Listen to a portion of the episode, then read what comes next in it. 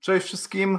E, moim dzisiejszym gościem jest e, Mateusz Rus, e, programista z wieloletnim doświadczeniem, specjalizujący się w dotnecie i Pythonie oraz również autor bloga mateuszrus.pl Pasja do programowania oraz autor książki Programistą Być i dzisiaj będziemy rozmawiali na tematy właśnie związane z książką Mateusza, czyli tak naprawdę wszystko co związane z początkami w branży IT, ale zanim przejdziemy do, do sedna naszej dzisiejszej rozmowy, to zaczniemy od niemalże filozoficznego pytania.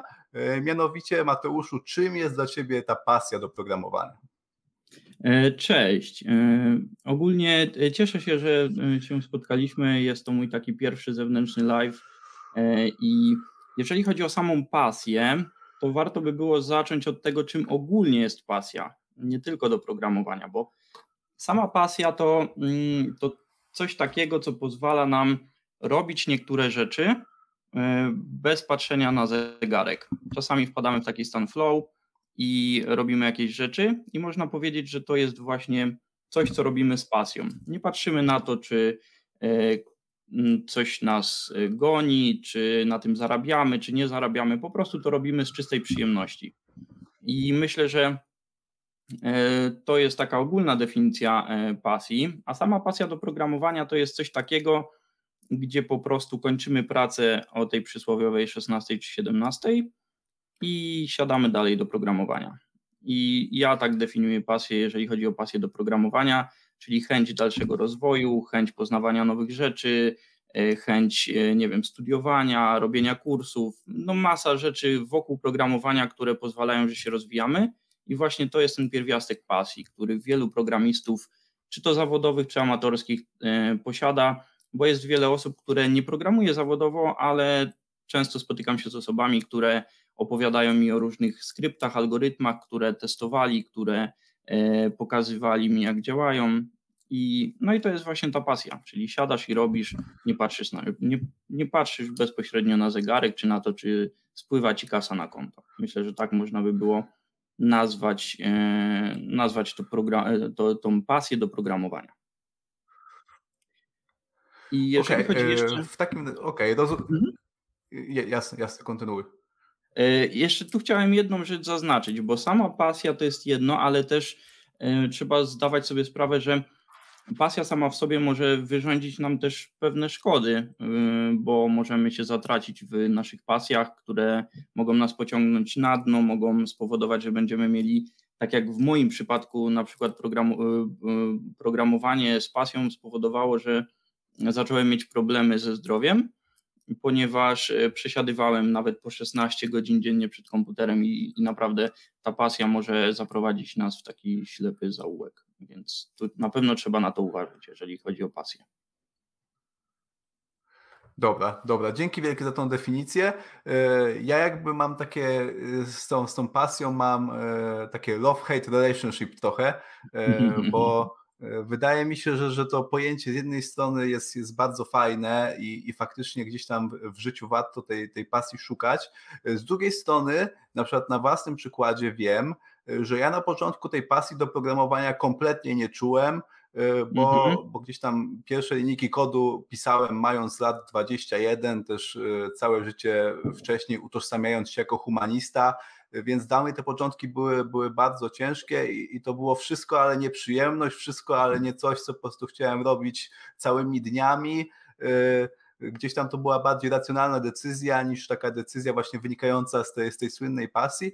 E, jednakże z biegiem czasu e, i wraz z wzrostem jakiejś mojej biegłości ta, ta pasja zaczęła się pojawiać. No jakby to był gdzieś tam duża była korelacja tego, jak dobrze mi idzie, a jak bardzo gdzieś tam ja odczułam tą pasję do programowania, e, więc tutaj z mojej strony warto pamiętać o tym, że, że może na początku tej pasji nie być, bo, bo jakby ta, ten cały trud y, może nam ją w jakiś sposób gdzieś tam zasłaniać, odbierać, ale ona z czasem się pojawi, więc na początku nie uważałbym, y, że, że musimy od razu tą pasję czuć, raczej musimy wierzyć, że ona może się, się pojawić mhm. i też działać w taki sposób proaktywny, jak mówiłeś, wykonywać te wszystkie aktywności osoby, która tą pasję ma, czyli właśnie realizacja jakichś kursów, czytanie książek, e, bo wbrew pozorom, jeżeli robimy to, co osoba, która ma do czegoś pasję, to, to cała ta pasja się u nas pojawi właśnie przez to, że, że my inwestujemy ten czas i, i inwestujemy ten wysiłek, mimo że na początku to może być dla nas bardzo takie mimo wszystko nieprzyjemne. I też takie pytanie do Ciebie, Mateusz. Jestem ciekaw, jakie Ty masz doświadczenia, spostrzeżenia. A jak to jest z takim przeciętnym programistą na etacie, na przykład kolegami, koleżankami z pracy, z którymi, które spotkałeś na swojej drodze zawodowej? Czy, czy większość programistów to są pasjonaci, czy jednak nie? Jak to wygląda Twoim zdaniem? Okej, okay. ja wrócę do tego, co mówiłeś, bo w 100% z Tobą się zgadzam, że ta pasja przychodzi z czasem. Ja sam z autopsji mogę powiedzieć, że ja oczywiście mm, na początku programowałem i bardziej była to ciekawość niż pasja, bo z natury jestem ciekawską osobą. Bardziej mnie to ciekawiło, dopiero później stało się to moim sposobem na życie i nie mogę powiedzieć, że od początku była to moja pasja. Przyszło to na, właśnie po kolejnych etapach, kolejnych awansach, kolejnych poznanych technologiach, więc myślę, że to jest kwestia e, tutaj mm, indywidualna i nie od razu ta pasja się pojawia. I jeżeli chodzi o kolegów z pracy czy koleżanki, to myślę, że dużo jest osób, które albo się już mm, to, tym programowaniem nasyciły i już nie można powiedzieć, że są pasjonatami, bo już mają jakieś etapy za sobą, już ich nic nie zaskakuje, nic nie rozwija i po prostu pracują. Są takie osoby, które są na początku drogi, tak jak mówię, jeszcze nie mają tej pasji, dopiero ta pasja przyjdzie z czasem. E, no i są oczywiście naturalnie pasjonaci, ale myślę, że jest to może 20% osób, które ja na swojej drodze poznałem, a kilka projektów mam za sobą i mogę powiedzieć, że może na setkę programistów, z którymi współpracowałem, to jakieś 20, a góra 30 osób to tak naprawdę pasjonaci. E, interesowali się, chodzili na różne spotkania, e, pisali blogi, nagrywali coś, e, żyli tym programowaniem poza godzinami pracy. Ale myślę, że większość osób, z którymi współpracuję, to są osoby, które po prostu traktują to jako normalną pracę zarobkową i to też jest ok, oczywiście. No to tak się składa, że mam bardzo podobne doświadczenia i obserwacje, e, więc na to wygląda właśnie, że, że gdzieś tam 20% takich już e, programistów, którzy mają większe doświadczenie, pozostaje pasjonatami, e, cała reszta no gdzieś tam tą, tą pasję traci po drodze albo nigdy, nigdy jej nie miało, co też no, tak jak zauważyłeś, nie jest warunkiem koniecznym. To jest coś, co, co fajnie jak, jak jest, ale też można sobie bez tego poradzić, zresztą jak e, w każdym zawodzie. E, I tak w programowaniu dużo mamy pola e, na tą pasję, bo to jest ciekawe zajęcie ogólnie. A powiedz mi właśnie, jak to się w ogóle stało, że gdzieś tam tym programowaniem się zajmujesz? Jaka była Twoja droga? No, Okej, okay. ogólnie sama droga mm, można powiedzieć, że w jakiś sposób była przypadkowa ponieważ e, zaczęła się jeszcze za czasów gimnazjum, bo ja jestem tym rocznikiem 9.2, gdzie jeszcze gimnazja były.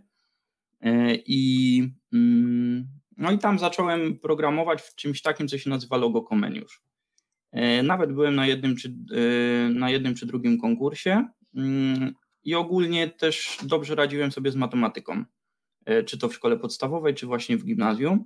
Poskutkowało to tym, że poszedłem do jednego z lepszych techników Polsce do szkoły średniej, ale tam poszedłem na zupełnie inny kierunek, to znaczy pokrewny, bo na teleinformatykę, ale tam nie mieliśmy w ogóle programowania. Przez 4 lata nie programowałem w tym czasie szkolnym, więc tutaj już widać, że to programowanie może pojawić się we wczesnym wieku, tak jak u mnie w okolicach 13-14 roku życia. Później przez kilka lat nie programowałem i tak naprawdę poszedłem na studia na Politechnikę Wrocławską, na elektronikę i telekomunikację i tam na studiach dziennych wróciłem do programowania już tak na poważnie i tam zaczęło się programowanie w C++.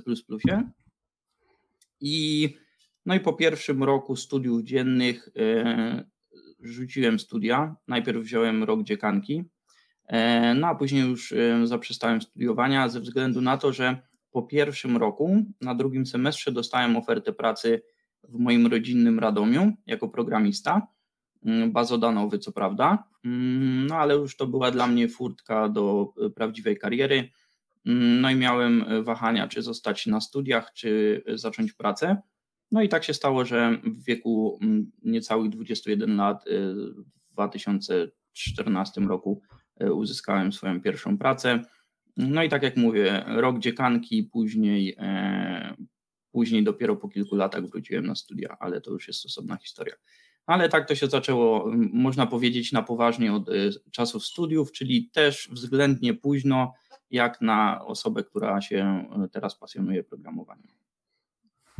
Spoko, spoko. To jakby co do studiów, to mamy podobną historię. E, zazdroszczę Ci, że udało Ci się je dokończyć. Mi jeszcze nie. Ja jestem na etapie, że został mi tak naprawdę semestr studiów inżynierskich do, do zaliczenia, bo również z powodu gdzieś tam pracy i przeprowadzki wziąłem dziekankę i już się nie pojawiłem -hmm. na uczelni. Tak, to jest zdradliwe. Dziekanki są zdradliwe. Jak ktoś weźmie. No, no tak.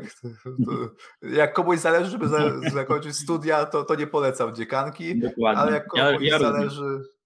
Ale jak komuś zależy, żeby się rozwijać zawodowo, to, to polecam.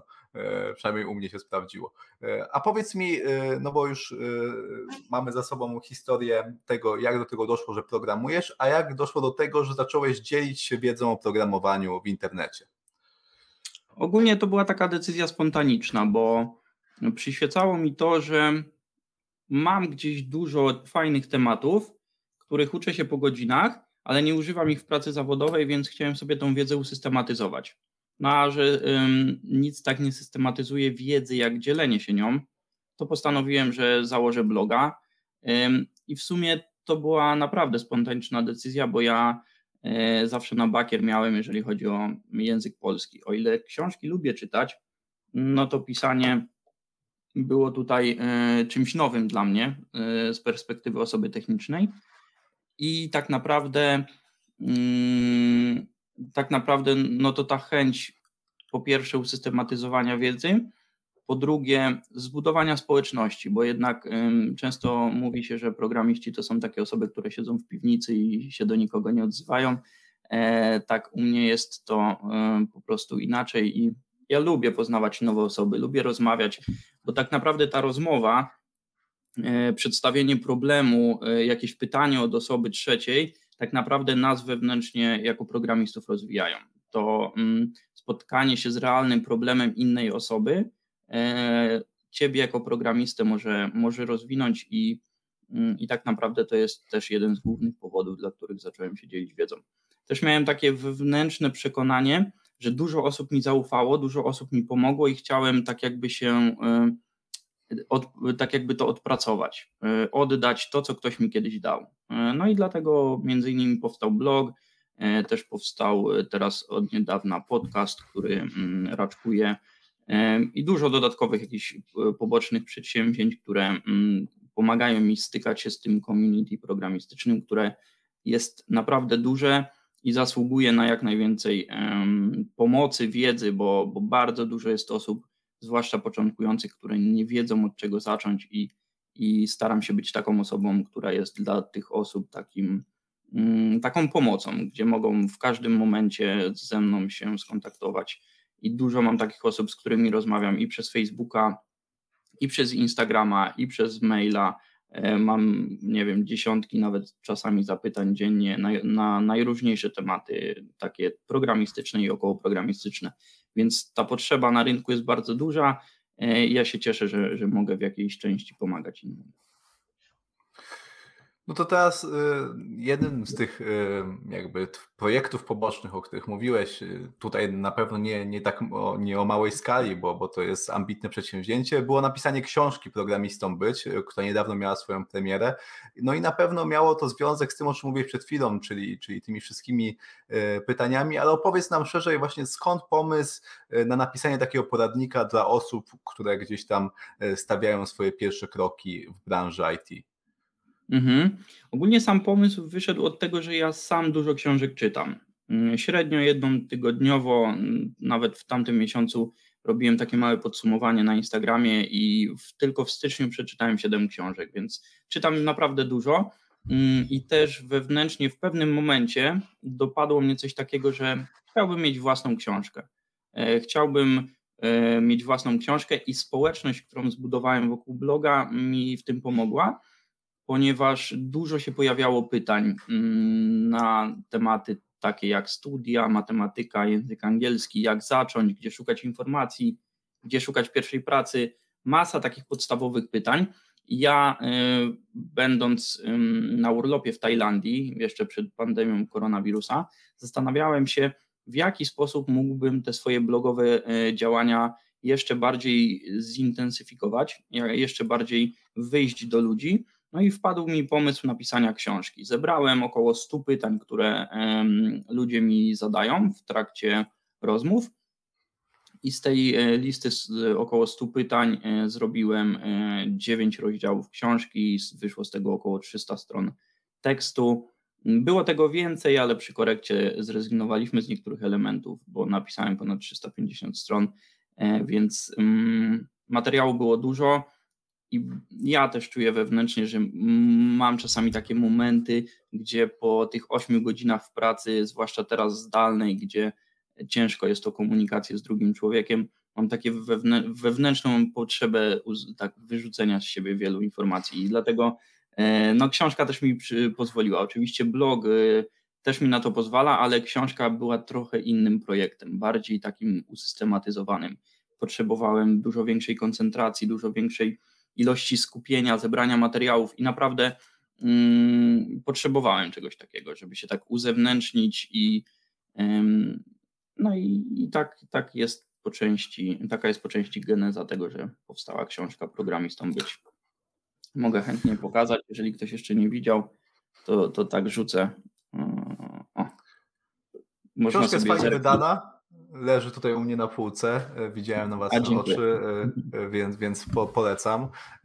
No i też gdzieś tam szacunek z mojej strony, ja również bardzo dużo czytam i, i, gdzieś tam napisanie własnej książki, książki również jest na jakiejś na mojej bucket liście, więc miejcie to na uwadze, że pewnie kiedy coś takiego się pojawi, tym nie jeszcze to nie jest jakiś projekt, nad którym aktywnie pracuję, ale dobra, takich projektów, takich książek już kilka było w przyszłości, teraz będzie takie trochę challenge'ujące pytanie. Mm-hmm. Był na przykład zawód programista Macieja tak. Niserowicza, był Dev Career Guide albo książka o podobnym tytule Johna Sonmeza, no tak. i teraz jest twoja książka Mateusza Rusa, Programistą być. I czym ta książka się Twoim zdaniem wyróżnia na tle konkurencji? Dlaczego właśnie ją warto mieć na półce, a, a nie tutaj y, jedną z pozycji wymienionych przed chwilą? Mhm. To ja jeszcze do tej listy, żeby sobie dopiec, jeszcze dodam książkę Mateusza Kupilasa, junior programista. Bodajże. Tak, tak. ale powiem tak. Po pierwsze, i myślę takie najważniejsze jest to świeża książka na rynku. Te książki, które wymieniłeś już jakiś czas y, są na rynku i mogą mieć, aczkolwiek nie muszą, jakieś elementy, które są przestarzałe. E, chociaż akurat ten temat jest dość uniwersalny, jeżeli chodzi o, o mm, książkę związaną z programowaniem, ale też ja nie odbieram tego jako konkurencji, bo każdy z autorów, czy to e, Maciej Janiserowicz, czy Mateusz e, Kupilas, mają swoje przemyślenia, mają swoje doświadczenie, trochę inną perspektywę i każdy z nich opisuje teoretycznie ten sam temat trochę inny sposób.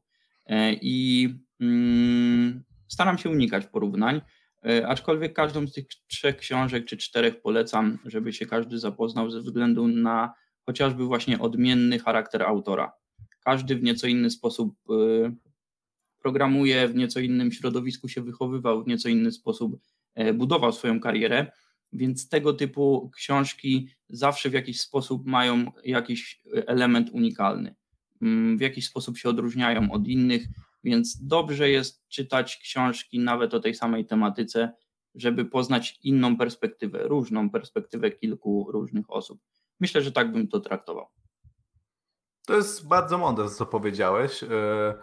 Ludzie też mają różny temperament i inne gdzieś tam nawet styl komunikacji, nawet y, tej samej informacji różnie do nich przemawia, w sensie rezonuje bardziej lub mniej. Takim na przykład dobrym przykładem dla mnie są książki na temat finansów osobistych. Zupełnie Dokładnie. gdzieś tam się e, czyta finansowego ninja, a inaczej finansową fortecę. Widać gdzieś tam, mimo że tematy bardzo podobne są poruszane w tych książkach, to e, widać odmienny temperament autorów i gdzieś tam na przykład dla mnie finansowa forteca była dużo lepszą lekturą niż finansowy ninja, pewnie przez to, że mi Marcina i Wucia. Więc, mm -hmm. więc mhm. warto gdzieś tam takie książki sprawdzać samodzielnie i też porównać sobie i zobaczyć, co do mnie najbardziej przemawia, jak, jaki styl, jakie podejście i gdzieś tam z taką osobą zostać na dłużej. A powiedz mi, no teraz zaczniemy gdzieś tam turkę, rundkę tych, tych pytań, które pewnie się przewijały, kiedy pisałeś swoją książkę. To są te pytania, na które większość osób na początku próbuje sobie odpowiedzieć różnymi sposobami. E, no i pierwszym takim zasadniczym pytaniem, aby w ogóle gdzieś ciągnąć dalej dyskusję, jest to, czy każdy może zostać programistą, czy to jest zajęcie dla każdego, mm. czy to może jest jakieś elitarne rzemiosło tylko dla wybranych geniuszy. E, no tak, to, to, pytanie myślę jest tak w top 5, jeżeli chodzi o pytania, gdzie dużo osób chce się przebranżowić i pyta, czy czy tak naprawdę to każdy może zostać programistą, bo ktoś, nie wiem, 20 lat pracował w jakiejś księgowości albo zajmował się jakimiś innymi e, tematami i nagle chciałby programować. I zadaję pytanie, czy faktycznie każdy może zostać programistą. Ja odpowiadam, że tak, ponieważ tak naprawdę programowanie mm, nie musi równać się pracy zarobkowej. Ktoś może być programistą amatorem i sobie pisać, nie wiem, stronki internetowe, może sobie tworzyć jakieś algorytmy, bawić się, mm, nie wiem, jakimiś skryptami prostymi w, w Pythonie, może próbować swoich sił w różnych e, dziedzinach programowania i niekoniecznie na tym zarabiać, bo samo programowanie jako mm, nauczenie się kilku mm, pewnych aspektów programowania, jakiejś semantyki języka, to tak naprawdę nie jest długi, długi okres, wystarczy chwilę posiedzieć, troszkę poczytać, porobić tutoriali i już można powiedzieć, że się programuje. Można siebie nazwać programistą amatorem, gdy się napisze kilka skryptów i one się będą wykonywały, bo tak naprawdę coś już zaprogramowaliśmy, więc możemy powiedzieć, że jesteśmy programistami, bo napisaliśmy, nie wiem, prosty kalkulator albo prostą stronkę internetową, która się wyświetliła w przeglądarce i nawet wyświetli tekst Hello World. No to już jest jakiś, jakaś forma oprogramowania i my jesteśmy jakkolwiek by to nie zabrzmiało, programistami, osobą, która zaprogramowała to coś. Więc jak najbardziej tak. Mm, oczywiście, jeżeli ktoś chce zostać programistą profesjonalnym i zacząć zarabiać, no to to już jest inna para kaloszy i tak naprawdę tutaj już trzeba przysiedzieć. Jeżeli ktoś ma odpowiednią ilość czasu, e, jeżeli pracuje na etacie i chce się przebranżowić albo chce wejść w, w programowanie, a jest, nie wiem, na studiach, jakichś niezwiązanych z informatyką, no to oczywiście wszystko tutaj rozbija się o to, ile ktoś poświęci czasu. Jeżeli ktoś poświęci tysiąc godzin na programowanie, to spokojnie jest to wystarczająca ilość czasu, by, mm, by się go nauczyć na takim poziomie, by rozpocząć pracę zawodową. Jest też coś takiego, mm, nie pamiętam autora, mm, ale jest taka metoda, e, metoda albo sposób motywacji, że jeżeli przepracuje się 10 tysięcy godzin w jakiejś branży albo w jakimś konkretnym, konkretnej jakiejś specyfikacji, to można powiedzieć, że staje się w pewnym momencie ktoś profesjonalistą albo mistrzem, więc można powiedzieć, że mm, wszystko rozbija się o czas. Jeżeli ktoś odpowiednią ilość czasu poświęci, czy to będzie 100 godzin, 1000 czy, czy te sławne 10 tysięcy, E, no to wtedy można powiedzieć, że, że jest się programistą. No bo jeżeli ktoś faktycznie poświęci taką ilość czasu, to siłą rzeczy, jeżeli ktoś to zrobi w skupieniu i, i zgodnie z jakimiś tam zasadami, to nie ma możliwości, żeby się tego programowania nie nauczyć. I tak jest ze wszystkim. Jeżeli ktoś sobie w głowie powie, że czegoś się nie da, to się tego nie da zrobić, a jeżeli ktoś będzie miał w głowie przekonanie, że się da, to się da. I, I to wszystko zależy od nastawienia i, i, ilości spędzonego czasu. Więc ja jestem zdania, że każdy może zostać programistą i każdy mógłby zostać programistą zawodowym pod warunkiem, że znajdzie odpowiednią ilość czasu na naukę. Wiadomo, im się jest starszym, im dłużej się zasiedzi w jakiejś innym zawodzie czy pracy, jak ktoś założy rodzinę, e, dzieci, tego czasu jest mniej, ale tak naprawdę mm, wszystko zależy od tego, jak sobie ktoś zaplanuje mm, czas, moim zdaniem. Ja się z tym zdaniem zgadzam i, gdzieś tam taki, e, takie same e, podejście próbuję przekazać tutaj na, e, na kanale. I gdzieś tam bardzo dobrym takim właśnie milestone'em, o którym powiedziałeś, jest ten tysiąc godzin. Mi też się wydaje, że to jest taki właśnie, jak przekroczymy te tysiąc godzin nauki, to już nie jesteśmy gdzieś tam bezużyteczni na poziomie zawodowym. W sensie to już jest mhm, człowiek, mhm. któremu można powierzyć jakieś zadanie i jest szansa, że że je zrealizuje z mniejszą lub większą pomocą, więc warto faktycznie wykonać sobie taką szczerą kalkulację, ile mi zajmie, żeby te tysiąc godzin w sposób solidny nad programowaniem spędzić. I, I, to jest gdzieś tam, wydaje mi się, dobra kalkulacja, czy ja tak naprawdę chcę to zrobić i, i czy jestem w stanie y, tą inwestycję ponieść czasową. Wszystko inne Pewnie. to już jest tylko kwestia chęci, żeby faktycznie te tysiąc godzin przy biurku E, spędzić. Kolejne pytanie z, z, kategorii e, bardzo popularnych, ale, ale również spędzających sens powiek. Jak to jest z tymi studiami, Mateusz? Trzeba czy nie trzeba? No, na moim przykładzie można powiedzieć i, i tutaj z tego co wiem na Twoim, że tak naprawdę studia nie są konieczne. Oczywiście Studia pomagają, zwłaszcza w aktu, aktualnie, gdzie pracy dla juniorów jest niedużo, bardziej poszukiwani są specjaliści już z doświadczeniem, a juniorów y, naprawdę juniorzy mają teraz ciężko. Więc studia pod kątem, myślę, znajomości, pod kątem pierwszej pracy, zdobycia pierwszej pracy mm, są ok. Wiele uczelni ma różne programy stażowe. Na, ja e, kończę aktualnie studia magisterskie na Polsko-Japońskiej Akademii Technik komputerowych i tam jest bardzo dużo ofert pracy. Nie wiem, myślę setki miesięcznie na różne poziomy, od juniora, interna po, po seniora, jakieś stażowe, różne programy i uczelnia pomaga w tym, żeby zdobyć pierwszą pracę. Oczywiście można powiedzieć, że studia też w jakiś sposób dadzą nam odpowiednie E, pokłady wiedzy, pozwolą przebrnąć jakieś trudności, jeżeli chodzi o naukę programowania, algorytmów, matematyki, aczkolwiek ta matematyka też jest e, taka naciągana, jeżeli chodzi o programowanie. Mm, pozwolą nam w, zapoznać się z różnymi technologiami, czy to bazy danych, czy usługi chmurowe, e, jakieś programowanie rozproszone, dużo takich rzeczy, które, mm, które są wokół programowania Mm, i z którymi junior e, czy początkujący programista może mieć problemy, więc te studia na pewno pozwolą przez to przebrnąć z pomocą, mm, z pomocą wykładowcy, nauczyciela.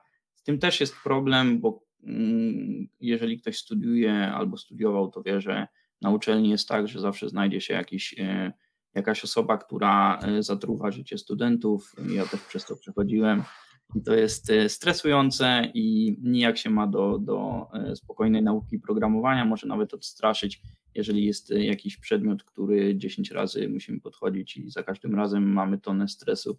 Więc z tymi studiami jest różnie. Ja, ja rekomenduję je zrobić, ale, ale tak naprawdę nie są konieczne. Jeżeli ktoś jest naprawdę zmotywowany, to spokojnie może bez studiów już w szkole średniej, czy nawet y, nie studiując albo studiując inny kierunek, e, ogarnąć na tyle programowanie. Jest teraz tona wiedzy, czy to w, sieci, e, pełno kursów, książek, darmowych materiałów. Na YouTube jest naprawdę bardzo dużo fajnych informacji, gdzie można tego programowania na naprawdę dobrym poziomie się nauczyć. I, a studia, no to niech będą takim dodatkiem. Tak jak u mnie też było. Ja wróciłem na studia, jak już y, byłem w ciekawym projekcie, miałem spoko ogarnięte finanse, e, poukładane życie osobiste. Wróciłem sobie na studia zaocznie i teraz przez internet y, na magisterskie mm, bardziej dla, dla siebie też, żeby w jakiś sposób zaczerpnąć też informacji e, na bloga, poznać ciekawe osoby i naprawdę można, ja teraz na e, na polsko-japońskiej. Tutaj w Warszawie poznałem naprawdę bardzo dużo fajnych osób. E, też kilka książek e, wysłałem do e, wykładowców i do mojego promotora aktualnego, z którym mam bardzo dobry kontakt. I mm, no, te relacje takie są naprawdę fajne i, i te osoby, zwłaszcza wykładające, mm, są na takim dobrym poziomie. Nie, akurat na tych studiach magisterskich mam tak, że nie mam stresu, jeżeli chodzi o o wykładowców, gorzej było na studiach inżynierskich, ale, mm, ale tutaj naprawdę fajne relacje się udało wyrobić i, i to jest coś, co może zaprocentować, bo nawet jeżeli na studiach nie uda nam się znaleźć pracy, to poznając ciekawe osoby, ktoś prędzej czy później może nas za uszy wciągnąć do jakiegoś projektu, nawet takiego po godzinach, który później poskutkuje tym, że dostaniemy pierwszą pracę, więc na pewno nie wolno studiów przekreślać, ale z mojej perspektywy nie jest to takie must have. No zdecydowanie zgadzam się, że ten aspekt networkingowy, chociaż nie lubię tego słowa, ale, ale no, mhm. gdzieś tam opisuje zjawisko, to jest coś bardzo wartościowego na studiach, o, o czym wiele osób zapomina. To tak naprawdę może często chcąc, nie chcąc, sprawiedliwie bądź niesprawiedliwie, e, mieć większy wpływ na naszą karierę właśnie za pośrednictwem tego, że ktoś nam zarekomenduje w jakiejś fajnej firmie albo e, gdzieś tam nam w ogóle powie, że jest jakaś okazja, to może mieć większy wpływ na nas niż po prostu tysiące godzin spędzone w przysłowiowej piwnicy, robiąc po mhm. prostu wypasiony kodzik w Reakcie, w najlepszym kursie, e, a nie to co na tych studiach w C++ i tak dalej, i tak dalej, co często ludzie, na co często ludzie narzekają i, i przez to studia krytykują, to naprawdę wartość e, gdzieś tam poznanych ludzi, e, to ciężko ją wycenić, ale wydaje mi się, że jest zwykle niedoceniana przez osoby, zwłaszcza które te studia krytykują. Też wyłuskałem z Twojej wypowiedzi temat matematyki. E, mhm. Powiedz mi, jak to jest z tą matmą, bo to też często jest stresujący temat, zwłaszcza wśród osób, które identyfikują się jako humaniści. Mhm. E, ja też gdzieś tam e, taką łatkę miałem przylepioną przez społeczeństwo przez długi czas. Teraz już chyba ona nie za dobrze się trzyma, gdzieś tam spadła kilka lat temu z mojego mhm. czoła, ale, ale mi ciążyła na początku dość mocno. Jak to jest z tą, z tą matematyką? Ogólnie tak samo jak ze studiami. Może pomóc, ale, ale nie jest konieczna. I ja akurat jestem mm, tutaj po tej drugiej stronie, bo ja za czasów szkoły podstawowej e, czy gimnazjum tą matematykę można powiedzieć miałem w jednym palcu i, i miałem epizody też e, e, typu kangur, jakieś takie nieduże osiągnięcia, więc ta matematyka była ok. Później zraziłem się w szkole średniej do niej mm, i tam, tam szorowałem, jeżeli chodzi o matmę. Później to do mnie wróciło ze zdwojoną siłą już i na studiach, i, i, też na blogu. Staram się ciekawe pomysły podrzucać, ale nie jest to konieczne. Ja tak naprawdę w pracy zawodowej mm, od tego 2014 roku, odkąd pracuję e, zawodowo, to nie, nie przydała mi się. No na pewno nie, niech ktoś nie myśli, że będzie zaraz, nie wiem, całkował albo, albo liczył jakieś pochodne, bo, bo tak naprawdę to jest tylko mały wycinek specjalistów, którzy to robią, ale jeżeli chodzi o takie programowanie, mm, czy to pod kątem budowy stron internetowych, czy takie desktopowe programowanie, czy urządzenia mobilne, no to nawet jeżeli musimy coś e, policzyć albo, albo użyć czegoś matematycznego, no to są już na to gotowe biblioteki. My tak naprawdę jako programiści musimy zrozumieć to, że programowanie polega na łączeniu pewnych elementów, że nie będziemy 100 razy wymyślać koła na nowo, bo wiele e, bibliotek, wiele frameworków, wiele e, powstało architektur, które już wiele za nas zrobiły i my po prostu musimy się nauczyć z tego korzystać i to połączyć w odpowiedni sposób, E, wiedzieć, co się pod tymi rzeczami kryje, ale nie musimy, nie wiem, od razu pisać jakichś skomplikowanych równań, bo, bo chyba tak wiele osób sobie wyobraża programowanie jako coś takiego jak stanie przy, tabli, przy tablicy na lekcji matematyki i rozwiązywanie jakiegoś e, wielomianu albo jakiegoś e, równania albo całki. A tak naprawdę no to kwestie matematyki są naprawdę marginalne, jeżeli chodzi o takie programowanie zawodowe, nawet na wysokim poziomie. Ja pracuję 3 lata w banku i tak naprawdę, mimo że jest to banki, finanse, to matematyki na oczy nie widziałem. Więc tak to. No ja chyba nawet nie muszę mówić, jako że jestem frontend y, gdzieś tam inżynierem, no to, to tej matematyki jest u mnie y, jeszcze mniej, no realnie może jakieś tam zbiory i relacje pomiędzy nimi, Aha. no to, to jest jakaś tam wycinek matematyki, którego w programowaniu, no, no gdzieś tam jak mamy styczność z bazami danych i tak dalej, no to, to gdzieś tam to się przewija, ale też tak pośrednio powiedziałbym, no plus tak jeszcze logika, logika, nie? No, dokładnie. dokładnie, dokładnie, dokładnie no. E, więc to są takie powiedzmy dziedziny matematyki, e, które się przydają, ale nie z tym nam się matematyka tak naprawdę kojarzy, a, a to z czym nam się kojarzy, no to tego zbyt wiele gdzieś tam w pracy web dewelopera nie ma. Dobra, a Mateusz powiedz mi, jakbyś miał powiedzieć, jaka jest taka najważniejsza umiejętność osoby, która chce zostać programistą? Co gwarantuje E, największy sukces. Jakbyś miał postawić na jedną rzecz, że, że pracujemy nad, nad jakąś jedną umiejętnością, nad jedną wartością, e, to, to co by to było, żeby nam się udało e, w tej branży? Myślę, że gdzieś już się to przewijało i, i spokojnie mogę powiedzieć, że jest to systematyczność. Czyli gdzieś pośrednio się to przewijało. Ja mówiłem o tym, że musimy poświęcić czas, ale tak naprawdę też kwestie systematyczności. Jeżeli codziennie poświęcimy godzinę, czy nawet pół godziny na naukę programowania, no to prędzej czy później będziemy robić to e, na coraz wyższym poziomie. I myślę, że to jest taki klucz. Często, e, często ludzie siadają tydzień, pouczą się programowania i mówią, że to nie jest dla nich. E, I, i po części ich rozumiem, bo sam miałem i mam momenty takiej frustracji, gdzie uczę się czegoś nowego, i mam po prostu gorszy tydzień, miesiąc, gdzie jest e, ta wiedza po prostu nie wchodzi, ale próbuję się przełamać, zostawiam na chwilę ten temat, wracam do niego.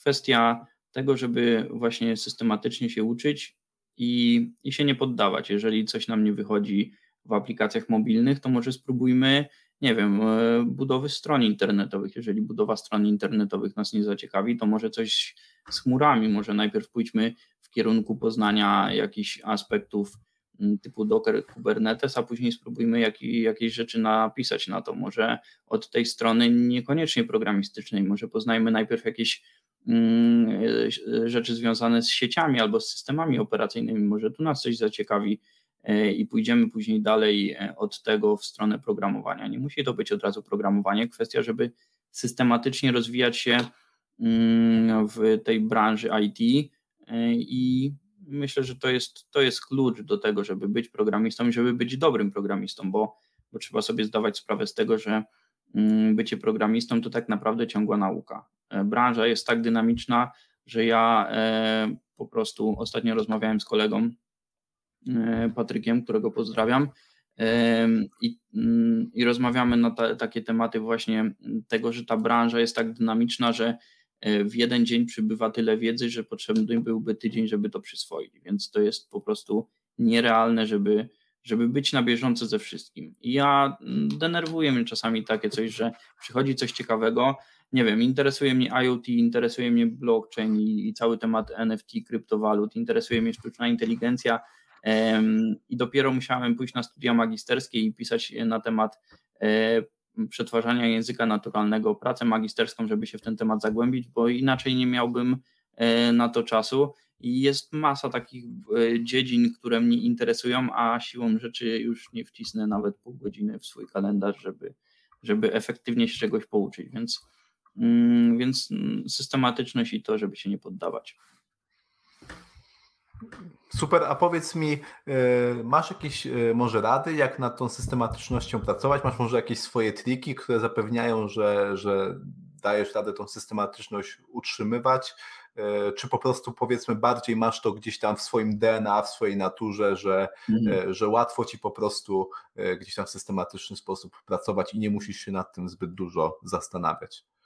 Mhm, wiesz co, ogólnie myślę, że tak naprawdę prędzej czy później przyjdzie taki moment zawahania, przyjdzie taki moment lekkiego wypalenia, przyjdzie taki moment, gdzie będziemy potrzebowali dodatkowego kopa, dodatkowej motywacji i to jest naturalne. I ja mam, nie wiem, dziesiątki przerobionych różnych systemów yy, i motywacji i, yy, i systemów takich do zarządzania sobą w czasie, bo to też jest istotne. I u mnie najlepiej sprawdza się kalendarz. Yy, po prostu wpisuję sobie, że w danym dniu czy tygodniu chcę poznać jakąś nową rzecz Mm, i po prostu jak mam coś zapisanego w kalendarzu, to, to już zazwyczaj się to dzieje w przyszłości i mm, u mnie się to sprawdziło. Wiem, że niektóre osoby y, tego unikają, ale ja staram się wyrzucać nawet z głowy różne pomysły czy, e, czy jakieś tematy, żeby to mi nie siedziało w głowie, bo mm, trzeba też sobie zdawać sprawę z tego, że programowanie jest mocno obciążające. Jeżeli się nie oczyści głowy po pracy albo ma się za dużo myśli różnego typu, to się nie będzie efektywnym. więc y, ja sobie wyrzucam to do kalendarza. Kiedyś testowałem taką aplikację, która nazywa się Nozbi, też testowałem Todoist bodajże e, od Microsoftu, Todo listę, tablicę Kanban. Sporo się tego u mnie przewijało, ale mam tutaj, co prawda nie mam pod ręką, ale mam kalendarz papierowy i, e, i przy okazji sobie, jak w nim pozapisuję, to i później wykreślę zadanie typu, nie wiem, poznać jakiś nowy algorytm, albo napisać e, artykuł na temat tego algorytmu, albo stworzyć jakąś podstronę na blogu. Jak ja sobie to zapiszę i później to wykreślę, to czuję taką, taki przypływ motywacji, że aż chce mi się więcej e, wykreślać. To jest, myślę, e, od strony takiej psychologicznej, mentalnej jest to budujące, jak się taką listę zapełnia, później wykreśli. Więc polecam to spróbować ale polecam eksperymentować. Ja, można powiedzieć, e, od kilku lat różnych rzeczy próbuję i też niewykluczone, że e, za pewien czas będę próbował jakiegoś nowego narzędzia, może nowego sposobu, metody, coś przeczytam. U mnie też sprawdza się fajnie. E, teraz może mniej, bo mam dość dużo mm, zadań takich, gdzie w krótkim okresie muszę przeskakiwać z jednego na drugi, ale też u mnie sprawdza się fajnie Pomodoro. To jest taka technika, gdzie e, pracuje się 25 minut i 5 minut się robi przerwy i w takich blokach czasu też polecam sobie poczytać. O tym też piszę w książce, bo jest kilka takich trików, które, które w książce pokazałem, jak można e, zarządzać właśnie sobą w czasie, jak być bardziej efektywnym mm, i, i bardziej skupionym na tym, co się robi. Super. Y, ja powiem szczerze, że również gdzieś tam przechodziłem przez, przez wiele narzędzi, wszystkie, które, które wymieniłeś. Y, wniosek mój jest mhm. taki, y, że najważniejsze jest to, żeby planować. Jakkolwiek planujemy, to już nie jest aż tak ważne. Ważne, żeby mieć plan i też fajnie, jak ten plan powstaje wcześniej niż 5 minut temu, y, bo, bo zapomnieliśmy w ogóle o Bożym świecie i, i teraz nagle y, mamy jakieś wyrzuty sumienia, że powinniśmy się czymś zająć, a nie do końca wiemy czym. Y, ważne mieć chociaż plan na dzień kolejny, bo to już w tym dniu nam zwalnia właśnie, tak jak powiedziałeś, gdzieś tam zasoby mentalne, żeby zająć się tą robotą, a nie myśleć o tym, co ja mam robić, bo to ogólnie proces planowania też jest męczący. Już często jak my mhm. spalimy całą motywację i energię na, na planowanie, to już nic tam się nie uda zrobić, więc gdzieś tam taka rada ode mnie, E, warto przynajmniej na koniec dnia mieć już wizję dnia kolejnego i jak my gdzieś tam ten swój czas rozlokujemy, czy to będzie w kalendarzu, czy w Todoiście, czy w Nozbi, to już wielkiego znaczenia nie ma i również gdzieś tam po raz, po raz kolejny, bo nawet na e, kanale mhm. mamy odcinek o Pomodoro, gdzie również polecam tą technikę, bo ona u mnie się świetnie sprawdza, to warto gdzieś tam dzielić ten swój dzień właśnie może na takie 30-minutowe odcinki, bo, bo to i, i gdzieś tam łączyć potem E, właśnie tą bieżącą pracę e, z tym niby prostym, a jednak bardzo efektywnym e, licznikiem Pomodoro. Dobra, przejdźmy dalej. Teraz może do, do takich rzeczy, które mogą nas e, zaskoczyć, e, o czym możemy nie wiedzieć. Ja na przykład dzisiaj się dowiedziałem e, z Gazety Wyborczej, że, że programiści zarabiają tak dużo, że to my jesteśmy winni inflacji. To, to są na przykład takich rzeczy, bo, takich rzeczy można się dowiedzieć, ale też można się dowiedzieć rzeczy bardziej sensownych, które może na pierwszy rzut oka nie są takie oczywiste. No i powiedz mi właśnie, co często zaskakuje ludzi, którzy zaczynają zajmować się programowaniem? Co jest takie nieoczywiste w tym naszym zajęciu. Tak. E, ogólnie ja dopowiem to do, do tych słów, które ty powiedziałeś, że programiści tak dużo zarabiają. Ja jeszcze jak prowadziłem Twittera, bo teraz się usunąłem w cień, bo mnie kosztowało to dużo zdrowia i energii, ale wdałem się w taką dyskusję z prezesem jednej fundacji, e, która e, i ten prezes napisał artykuł bodajże do, do dużej jakiejś gazety, nie chcę mówić jakiej, bo nie pamiętam, ale było coś w stylu i bezpośrednio było powiedziane, że programista, który zarabia e, milion złotych rocznie, powinien się dzielić e, tymi pieniędzmi z państwem, czyli płacić duże podatki. Ja się wdałem w dyskusję i mówię, że jestem tyle lat w branży i ja nie znam żadnego programisty, który nawet by, nie wiem, połowę tego rocznie zarabiał. Gdzie to są abstrakcyjne kwoty, milion złotych ro, rocznie i to było w takim stylu napisane, takim językiem, jakby to każdy programista zarabiał taką kwotę i jeszcze był skąpy i nie chciał się dzielić. Więc to odnośnie tego, tego mm, zarabiania i myślę, że to, co zaskakuje osoby, e, zwłaszcza początkujące, to właśnie są te mityczne zarobki, bo ktoś sobie myśli, że zacznie programować i od razu spadnie mu 15 tysięcy miesięcznie na konto. E, jest, e, no jest to taka ta mityczna granica, programista 15K bodajże na, na różnych portalach jest hashtag programista 15K i ktoś myśli, że E, w pierwszej pracy od razu ktoś go e, złotem obsypie za to, że, że przyszedł i, i będzie go witał mm, e, z, z, kwiatami i płacił mu tak duże sumy. Więc pierwsze to jest to, żeby się nie nastawiać na wysokie zarobki od razu na początku. Jeżeli chodzi o drugi aspekt, który zaskakuje osoby, z którymi rozmawiam, to tak naprawdę to, że Mm, ludzie myślą, że programowanie jest super, tak jak nauka, że się ciągle poznaje nowe rzeczy, pisze się jakieś, nie wiem, sterowniki do rakiet y, i tym podobne rzeczy, że to cały czas się nowości wymyśla. A tak naprawdę w dużej części programowanie to są albo spotkania, albo planowania, analizy, szukanie rozwiązań błędów, dużo nudnej, powtarzalnej pracy i przez to trzeba przebrnąć. Myślę, że nikt na początku programiście nie da jakiegoś e, skomplikowanego, wyczerpującego zadania, nad którym będzie siedział miesiąc i wymyślą nowe jakieś rzeczy, tylko po prostu będzie to zazwyczaj powtarzalna praca. I ja sam taką e, często wykonuję, e, gdzie robię różnego typu proste rzeczy, e, ale ze względu na, e, na to, że albo są braki kadrowe, e, ludzie są na urlopach, no, rynek jest jaki jest, często nawet bardziej doświadczeni programiści dostają zadania, które mógłby spokojnie ktoś wykonać na początku swojej programistycznej drogi, no, ale że nie ma kto tego zrobić, to po prostu my to robimy, ci tak zwani midzi albo seniorzy, chociaż nie lubię tutaj kategoryzować, no ale zadania są po prostu często nudne i do tego się trzeba przyzwyczaić. Projekty są różne, więc, więc trzeba być na to przygotowanym. To prawda, no i też y, trzeba pamiętać o tym, o tym stresie, bo, bo czasami tak, nasza tak, praca tak. również bywa stresująca, mimo że nam się wydaje, że to, że to jest gdzieś tam takie zajęcie dość statyczne, w końcu siedzimy przed, przed komputerem, przed biurkiem, y, co tu się ma dziać stresującego. Mm -hmm. No, jak, jak, jest jak jest emergency na produkcji, y, to, to, tego stresu, tak, w piątek to, to jest stres, są emocje, mhm. więc, więc to naprawdę tyle się napociłem, to chodzę na siłownię od lat, to ja nie wiem, mm. czy ja mm. więcej potu zostawiłem na siłowni, czy, czy przed biurkiem, e, to, to wcale nie jest e, takie oczywiste, więc to też trzeba pamiętać Pewnie. o tym, że ta praca nie zawsze jest jakaś tam nudna, tak. e, może nawet nie nudna, a, a łatwa i, i jakaś taka, że możemy o niej szybko i łatwo e, zapomnieć.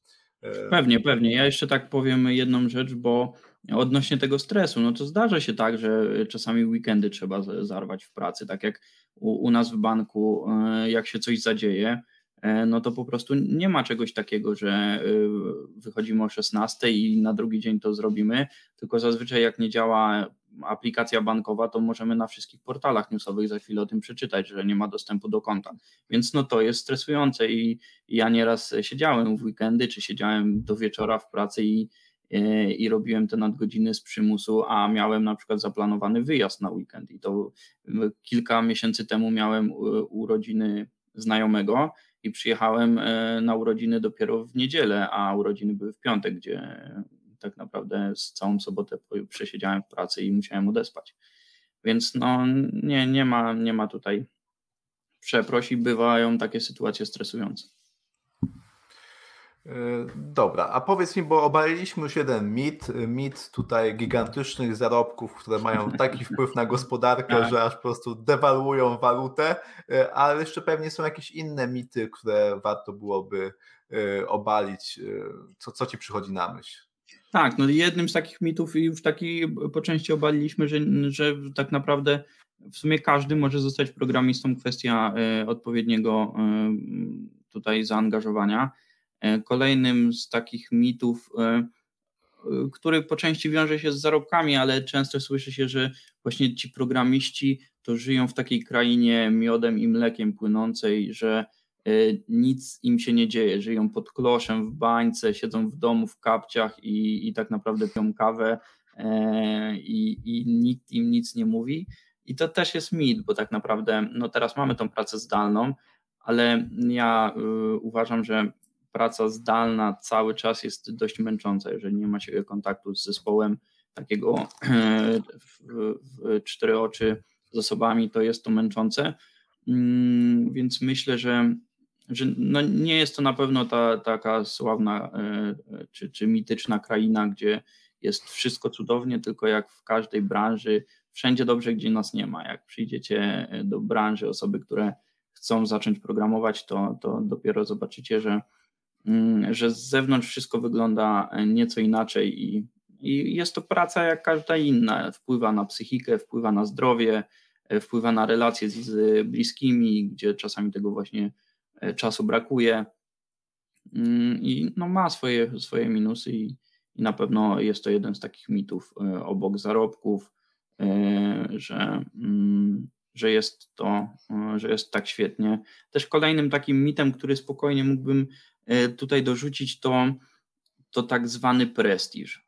Ktoś myśli, że e, ojej, programista to, to, że taka super osoba, że tyle musiał, mm, nie wiem, rzeczy zrobić, żeby być tym programistą. I faktycznie trzeba dużo zrobić, ale, ale nie jest to nic takiego spektakularnego. Są, są, jest dużo więcej zawodów, które wymagają e, dużo cięższej pracy, są, są bardziej wymagające, e, typu chociażby lekarz. Lekarz, myślę, jest e, takim zawodem, który można nazwać zawodem prestiżowym, a programiści, no to po prostu są osoby, które sobie siedzą przed komputerkiem i klepią kod mm, i nie jest to nic takiego mm, sensacyjnego, spektakularnego, więc to jest też taki mit który często się pojawia.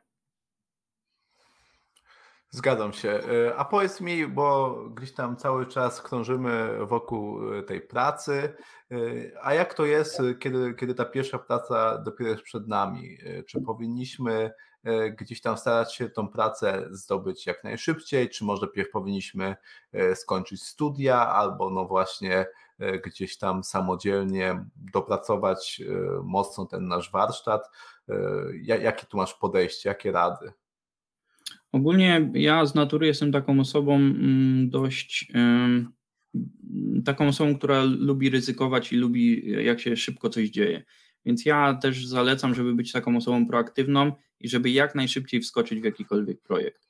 Bo tylko tak naprawdę projekty, niekoniecznie te takie, mm, za które nam ktoś zapłaci, ale żeby dołączyć nawet do jakiegoś projektu open source, gdzie będziemy coś wspólnie rozwijać, żeby jak najszybciej się pokazać na rynku, bo im dłużej będziemy zwlekać, tym bardziej będziemy się demotywować i tym e, bardziej będziemy podkopywać jakieś własne ambicje, będziemy mm, mieli mniej motywacji do tego, żeby się uczyć. Więc ja uważam, że jak ktoś już ma jakiekolwiek pojęcie, to powinien szukać jakiegokolwiek projektu, żeby żeby się rozwijać, jakiegokolwiek, e, nie wiem, zespołu, można pójść na jakieś meetupy, są jakieś e, warsztaty różnego typu programistyczne, są akademie, jest taka akademia Daft Academy e, od firmy Daft Code.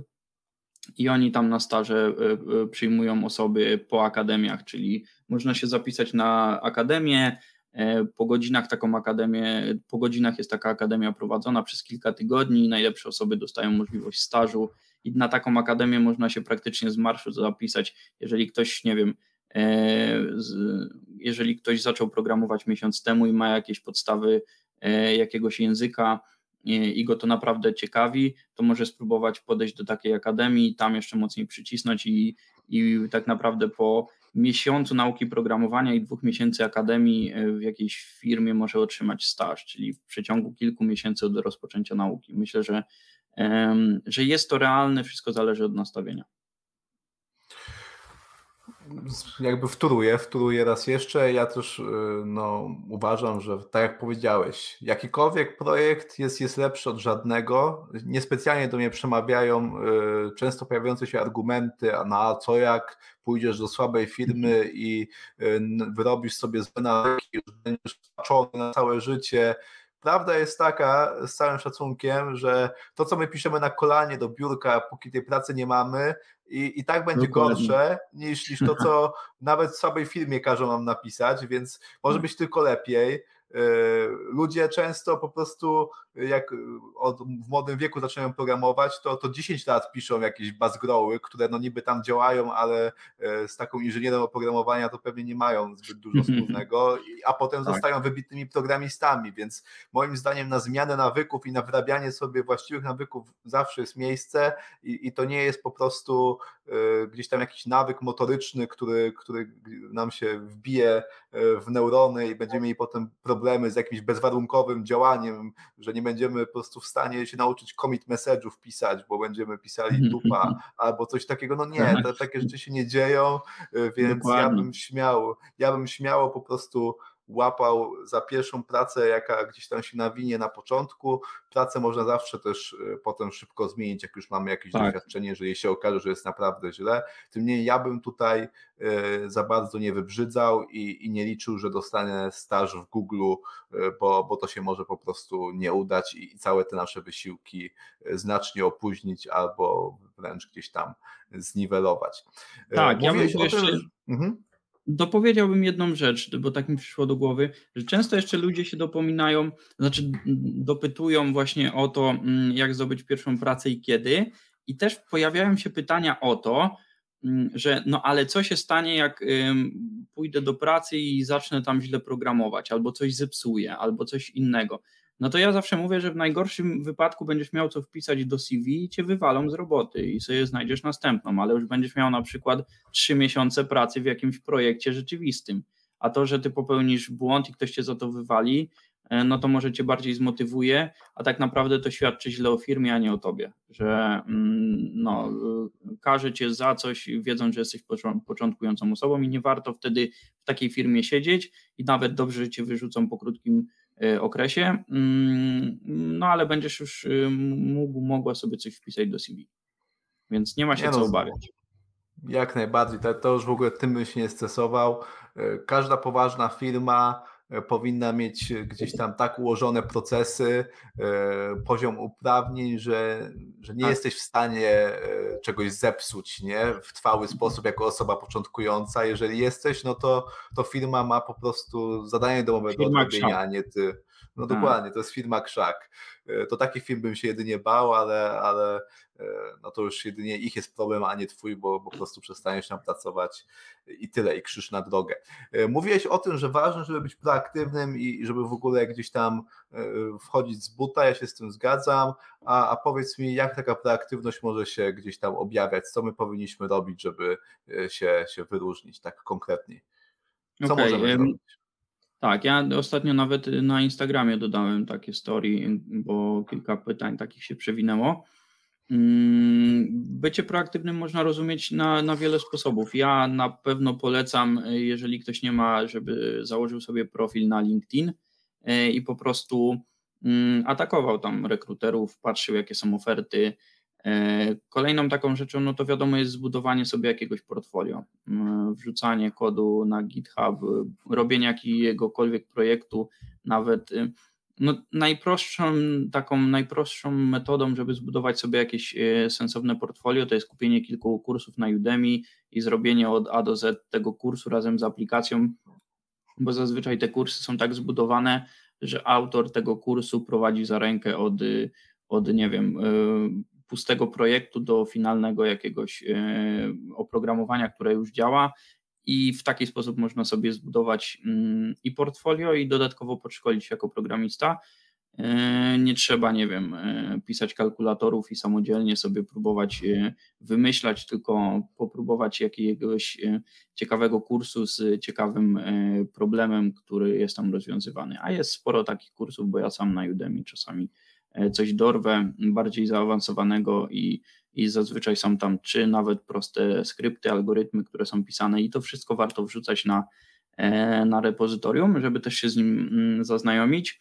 Mm, no i taką proaktywność ja jeszcze robiłem tak, bo miałem taki etap w życiu, gdzie prowadziłem działalność, ale odbiegała ona później od programowania, więc wracałem do tego programowania.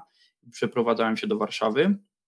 Ja robiłem tak, że znalazłem wszystkie ciekawe mm, firmy i projekty, które są, e, w których jest otwarta rekrutacja i po prostu bombardowałem tam CV. A, I no, tylko, że ja już byłem po, z kilkuletnim doświadczeniem, więc, e, więc było sporo odpowiedzi, ale jeżeli nie ma e, nie ma tutaj odpowiedzi mailowych, to warto czasami dopytać na maila jeszcze, albo właśnie na LinkedInie dorwać rekrutera, czasami zadzwonić, albo nawet się przejść. E, I myślę, że to też jest w jakiś sposób dobrze postrzegane, że kandydatowi zależy nawet na stażu czy na pracy w danej firmie. Mm, I to jeszcze przychodzi mi jedna rzecz do głowy, mm, którą też praktykuję i praktykowałem, to chodzenie na różnego typu meetupy czy tak jak e, są takie mm, różnego typu warsztaty albo, albo spotkania programistów jak e, for developers albo warszawskie dni informatyki, gdzie można pójść na takie spotkanie. Co prawda teraz jest trochę gorzej, bo część z tych spotkań przeniosła się do sieci, ale powoli wracają też stacjonarne spotkania, gdzie można pójść, można wysłuchać fajnych prelekcji, porozmawiać z doświadczonymi osobami. Często też firmy się tam ogłaszają, szukają kandydatów na różne stanowiska z różnymi poziomami i zbudowanie sobie takich e, relacji, gdzieś pokazanie siebie, nawet jako początkującego programisty, mm, jest dobrze postrzegane i, i na pewno jest na plus. Jeżeli pochodzi się na różne spotkania i 10 razy z, porozmawiasz z jakąś osobą, ona ciebie zapamięta i może akurat będzie potrzebowała takiego e, pracownika w e, swoim projekcie na jakieś juniorskie stanowisko i e, ze stu wysłanych CV akurat ciebie zapamięta z tych spotkań i, i ciebie zatrudnią, więc, więc to jest też taka, taka opcja na bycie proaktywnym. Okej, okay, pojawiło nam się też ciekawe pytanie z widowni od Mateusza. E, kolejne gdzieś tam e, klasyczne pytanie dotyczące wątpliwości, e, na ile jakaś tam umiejętność jest, jest istotna. Tutaj chodzi o język angielski na poziomie juniora.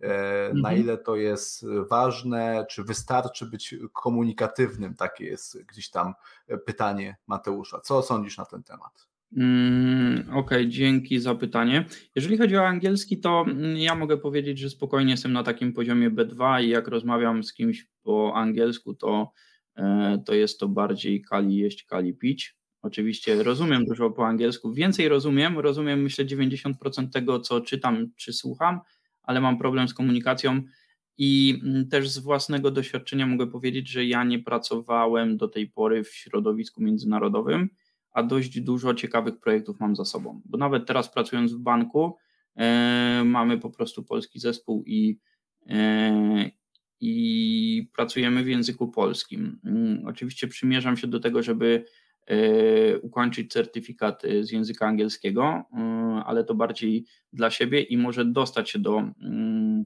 do projektu jakiegoś międzynarodowego. Mm, ale jest bardzo dużo firm, które tego angielskiego nie, wymaga, nie wymagają. Na rekrutacji pojawi się jedno, dwa pytania o Twoje hobby, zainteresowanie i żebyś coś o sobie powiedział po angielsku i, i to wystarczy.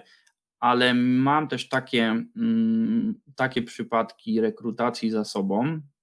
E, mogę nawet powiedzieć nazwę firmy, bo chciałem dostać się do firmy PGS Software i tam mnie odrzucili ze względu na brak znajomości języka angielskiego. I druga firma StoneX z Krakowa, która też mnie odrzuciła ze względu na brak znajomości języka angielskiego. Więc są firmy, które, e, no kilka lat temu tak było, więc są firmy, które wymagają tego angielskiego na komunikatywnym poziomie, ale są też takie firmy, gdzie bez tego angielskiego spokojnie można sobie poradzić i, i zostać zatrudnionym, mm, więc i tak i nie. No na pewno angielski pomaga, zwłaszcza przy czytaniu dokumentacji, przy nauce bo ja też mam tak, że 90% rzeczy, które czytam branżowych albo uczę się z różnych źródeł, to są źródła anglojęzyczne, no ale w pracy zawodowej nie rozmawiam po angielsku. I spokojnie można znaleźć pracę na rynku bez nawet znajomości języka angielskiego na, na bardzo podstawowym poziomie. I mam też w pracy osoby, e, które są po 50, po 60 i bardziej znają język rosyjski ze względu na, na to, że kiedyś się go uczyły, a angielskiego praktycznie w ogóle nie znają i, i programują i sobie dają radę. Więc z tym angielskim e, to tak jak w sumie z matematyką i ze studiami, że lepiej znać, ale nie jest to konieczne. Tak bym to ujął. Co ja też e, mogę jeszcze dodać od siebie, e, bo często jakby ludzie się stresują tym angielskim mocno, mimo że, że większość ludzi w Polsce w naszym wieku jest gdzieś tam w okolicach tego B2 e, po publicznej edukacji. To może być takie słabsze bądź mocniejsze to B2, ale większość Polaków po angielsku tam coś tam, coś tam wie, potrafi, jest w stanie przeczytać, powiedzieć, hmm. więc ja też bym się nie stresował na zapas, tylko bym poszedł na rozmowę kwalifikacyjną i pozwolił firmie zadecydować, e, czy ten angielski jest na odpowiednim poziomie, bądź też nie, bo dużo gdzieś tam miałem już przykładów znajomych, którzy się mega stresowali tym swoim angielskim, bo, bo ten angielski to taki, nie, nie czuję się komfortowo wcale mówiąc po angielsku, to, to chyba znaczy, że ja z tego angielskiego jestem słaby, a, a potem się bardzo często okazywało, że, że tą pracę dostawali i, i po tym angielsku sobie, sobie nieźle radzą, wcale nie gorzej mhm. od kolegów i koleżanek, y, więc, więc też trzeba pamiętać, że zwykle jesteśmy zbyt krytyczni względem siebie y, i nie ma co po prostu zakładać, czy że ten mój angielski jest na niewystarczającym poziomie poziomie. No ja osobiście pracuję w tak. firmie jakiejś tam międzynarodowej, y, gdzie, gdzie ten angielski jest powiedzmy lingua franca, bardziej się po, po, y, komunikuje po angielsku niż po polsku, y, co nie oznacza, że to też jest dla mnie jakieś mega komfortowe, że nie korzystam cały czas z translatora i że mhm. też nie czuję się nieswojo, kiedy muszę po tym angielsku mówić mimo że gdzieś tam na poziomie jestem C1, więc to jest normalne, że, że mówienie w obcym języku jest, jest dla nas e, niekomfortowe, ale nie blokowałbym się e, z tego powodu, tylko, tylko trzeba próbować. Najwyżej ktoś nam e, podziękuje, a co nie oznacza, że, że kolejna firma zrobi tak samo. Dobra, tak, tyle ja w temacie bym, angielskiego. Jasne, ja bym może tak, ja bym może jeszcze jedną rzecz tak szybko dopowiedział, bo mm, tak, taką, e, żeby zmotywować osoby mm, e, i, i, powiedzieć więcej o tym angielskim, to tak naprawdę zapominamy o jednej rzeczy, że rynek programistyczny jest też dość rozbudowany, jeżeli chodzi o wewnętrzną konsumpcję, czyli bardzo dużo oprogramowania wytwarza się dla lokalnych polskich podmiotów. E, typu, nie wiem, właśnie banki, e, usługi finansowe, różnego typu ubezpieczenia. To wszystko działa gdzieś w obrębie lokalnego rynku i jeżeli trafi się do projektu takiego lokalnego, czyli gdzie się wytwarza oprogramowanie na rynek lokalny polski, to ten angielski właśnie nie jest konieczny i ja przez 8-9 lat swojej kariery e, właśnie wytwarzałam oprogramowanie dla rynku lokalnego polskiego i i tak to u mnie wygląda, więc ten angielski w takim przypadku e, nie jest konieczny, aczkolwiek e, no to jest jeden z moich większych braków. Okej, okay, możemy płynnie przejść do, do kolejnego mhm. pytania z widowni. E, tutaj cieszy mnie bardzo wzrost aktywności na czacie. Zachęcam do zadawania pytań. I tu jest ja pytanie odnośnie obowiązków i zadań junior frontenda to chyba ja będę bardziej musiał się wypowiedzieć, e, jako, jako że, że to jest gdzieś tam obszar mojej specjalizacji, ale pewnie zaraz Mateusz dodasz coś, jak to wygląda e, po tej stronie e, backendowej.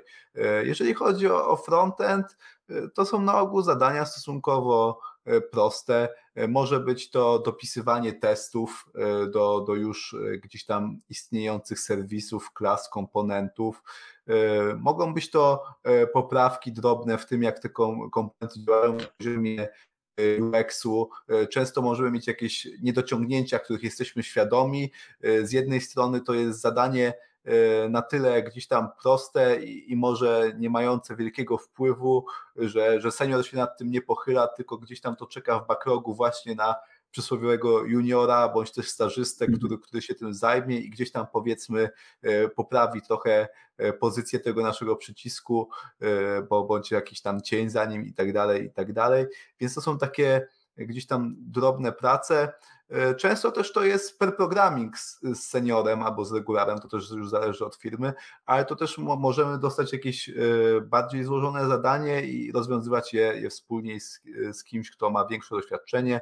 E, może też to być pisanie testów nie tylko jednostkowych, ale również testów end-to-end. To, to jest zresztą właśnie takie testowanie, to jest, to jest świetny sposób na to, żeby zapoznać się z codebase'em e, i, i też e, po prostu gdzieś tam w ten projekt wejść. Więc z mojego doświadczenia to są na ogół albo też naprawianie stosunkowo prostych bugów, takich jednodniowych, mm. dwudniowych, to, to też jest coś, co się często przewija. Jak to Mateusz wygląda z Twojej perspektywy? Tak, ja bardzo dużo się tutaj mm, pokrywa z tym, co mówisz. Przede wszystkim osoby takie na juniorskich stanowiskach często y, dostają za zadanie analizę błędów.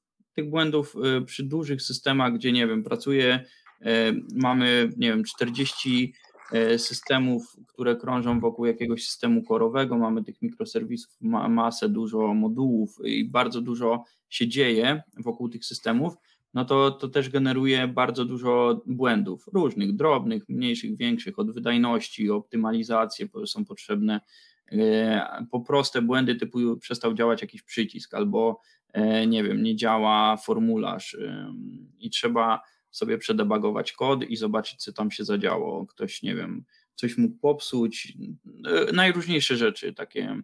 Mm, ostatnio był problem u nas taki, gdzie się dokumenty przestały generować, jakieś PDF-owe E, które powinny się generować za każdym razem przed zakończeniem e, dyspozycji. I, no i wtedy takie zadanie można dać e, osobie, która jest na juniorskim stanowisku, by to spróbowała przeanalizować. Wtedy my, jak poznajemy taką osobę, wiadomo, przychodzi nowa osoba, młoda, stażem do projektu i nie wiemy, czego możemy się po tej osobie spodziewać. Więc jak damy mu taką rzecz do przeanalizowania, to zobaczymy, w jaki sposób on potrafi sobie poradzić z błędem jak myśli o błędzie, jak go debaguje, czy go znajdzie.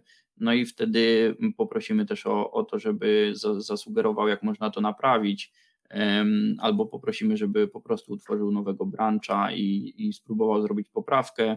Później wrzuca nam to na code review, my sobie tam przeglądamy, jak on sobie z tym błędem poradził, czy faktycznie go rozwiązał. Więc to jest jeden taki mm, y, fragment y, pracy junior y, dewelopera. Dodatkowo można go poprosić o e, jakieś prace SQL-owe, bo tak jak u nas na backendzie bardzo dużo rzeczy odbywa się po stronie bazy danych, bardzo dużo logiki biznesowej jest wyniesione e, do bazy danych e, i czasami mamy takie zagadnienia, które nie są zagadnieniami bezpośrednio z tej ścieżki rozwoju aplikacji, ale są zagadnieniami typu ułatwienie pracy nam, programistom, albo posprzątanie w kodzie, albo dodanie jakiegoś feature'a, albo małego systemiku, który pozwoli nam na, nie wiem, jakieś, e, jakąś sprawniejszą pracę.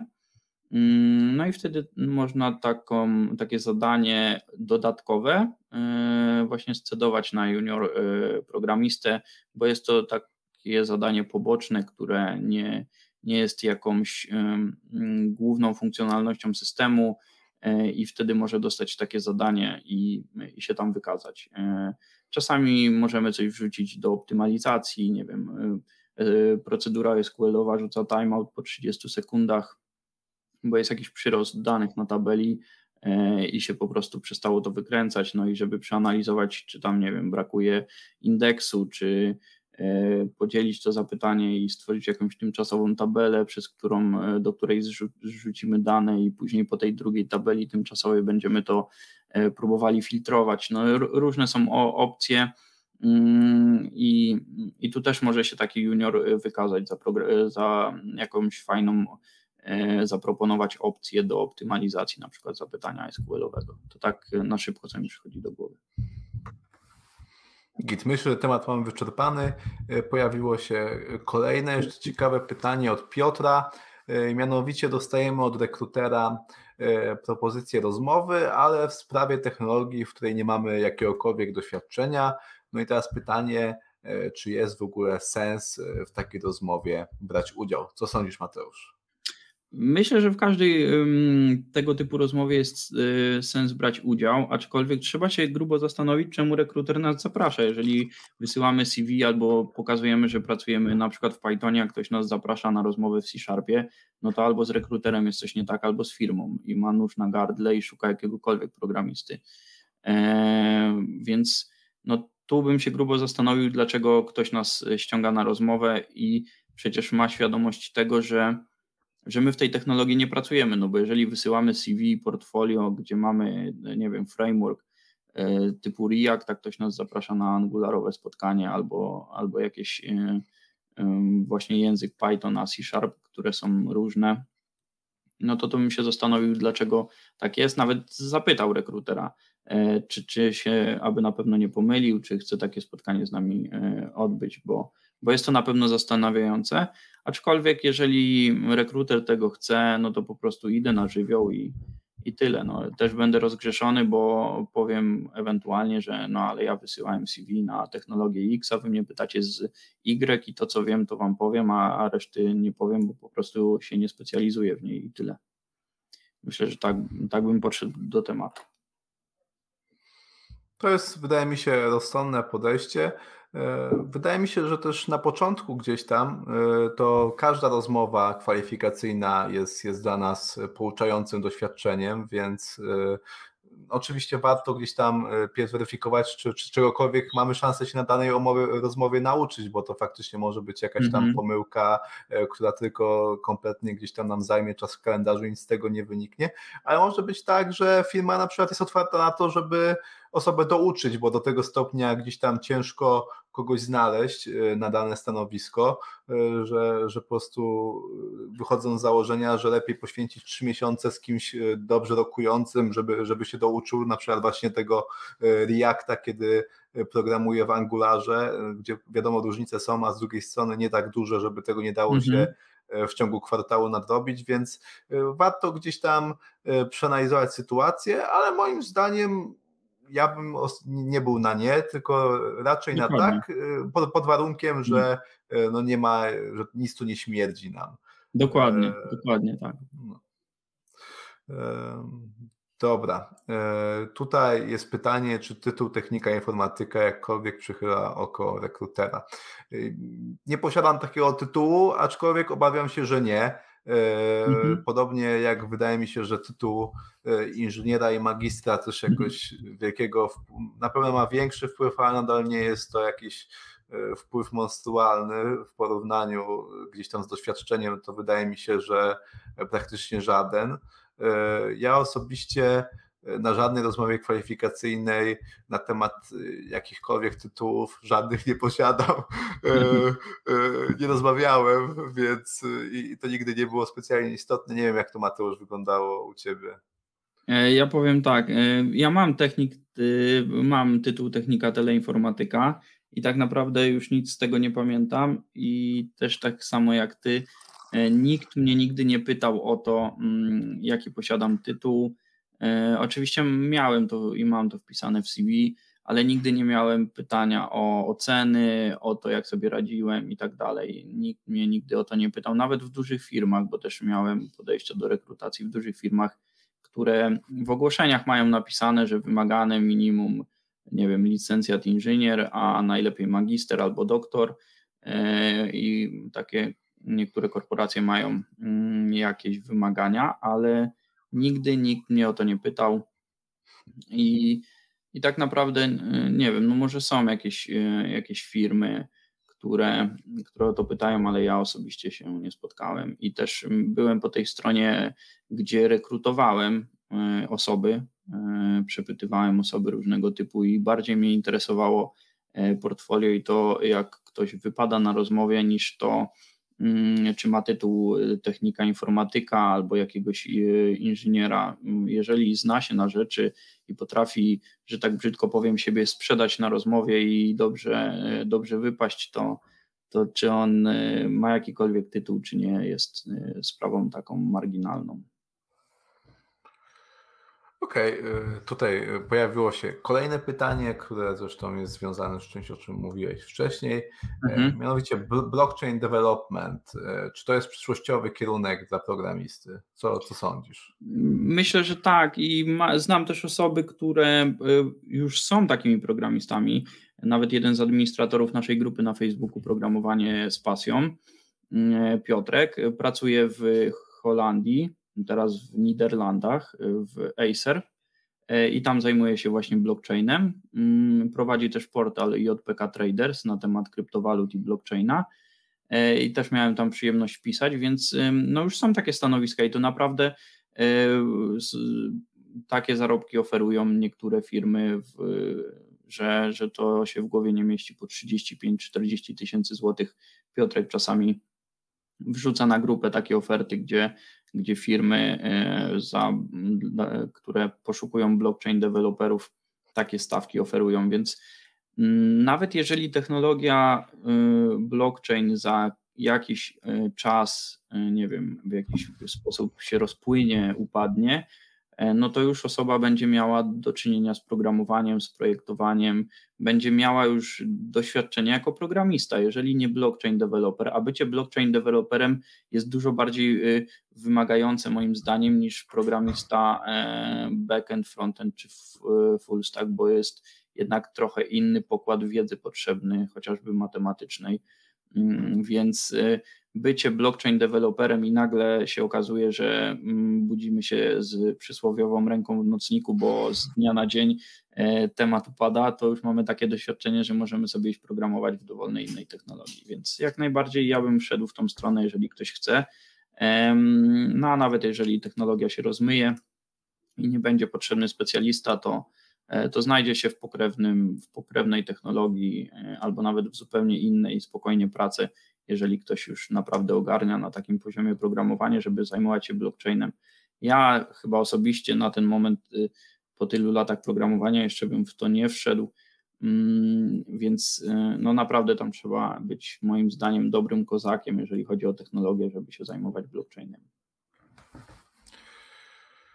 Okej, okay, i ostatnie pytanie na naszej liście, e, na które gdzieś tam nie będziemy się rozwodzili, bo tak naprawdę Przemek dołączył do nas 15 minut temu, a my już od ponad godziny dokładnie rozmawiamy na, na te wszystkie tematy, o, o które tutaj Przemek nas zapytał, czyli e, od czego zacząć, z jakim językiem, e, jakie wskazówki na start. No co mogę powiedzieć, to polecam Ci książkę Mateusza Programistą Być. Tam zapewne znajdziesz mhm. odpowiedzi na no. większe albo i wszystkie swoje pytania. E, możemy jeszcze trochę gdzieś tam podyskutować na temat e, tego e, języka, od którego można zacząć swoją drogę, chociaż to też jest gdzieś tam tak naprawdę temat rzeka, jak sam tak. Przemek mhm. zaznaczył. Ja osobiście mogę polecić JavaScript, język no naprawdę gdzieś tam E, bardzo wszechstronny obecnie, e, tak naprawdę mający swoje miejsce w dowolnej domenie i dobrze sobie radzący e, w większości z nich, więc, więc to jest na pewno dobra inwestycja i się też nie zapowiada, żeby gdzieś tam w najbliższych latach miało się to zmienić. A, a co ty, Mateusz, jesteś w stanie polecić, jeżeli chodzi o język? Okej, okay, jeżeli chodzi o język, to ja podchodzę do tego tematu w ten sposób, że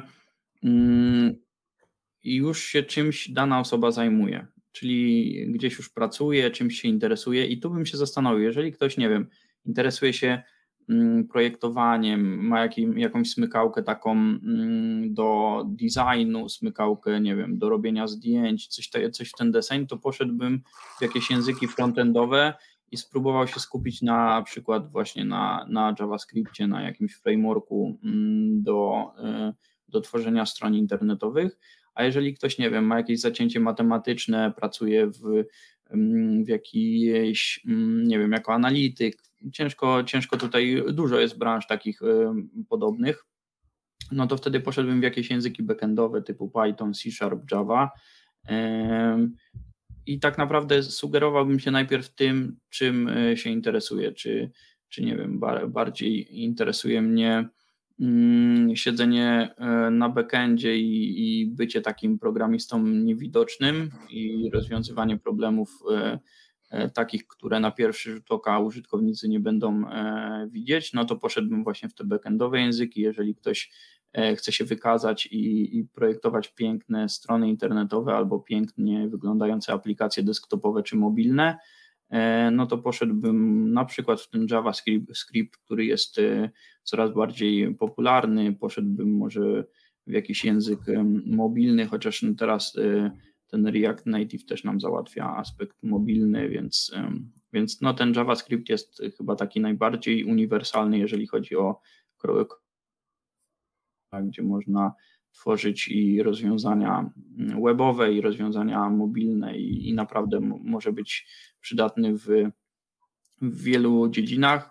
Nie wiem, jeżeli ktoś interesuje się na przykład po godzinach e, tym wspomnianym blockchainem, albo tym na przykład e, sztuczną inteligencją, albo tym, co właśnie siedzi e, w, w tych tematach takich związanych z przetwarzaniem języka naturalnego, z jakimś rozpoznawaniem obrazu, no to tutaj ten Python czy, czy język R też by się sprawdził. Dużo jest opcji. Tak naprawdę, tak naprawdę ja też z autopsji wiem, że nie, na początku nie jest może aż tak istotny wybór języka, bo to się może zmienić z czasem. Ja mam za sobą mm, naukę w, początkowo w języku C.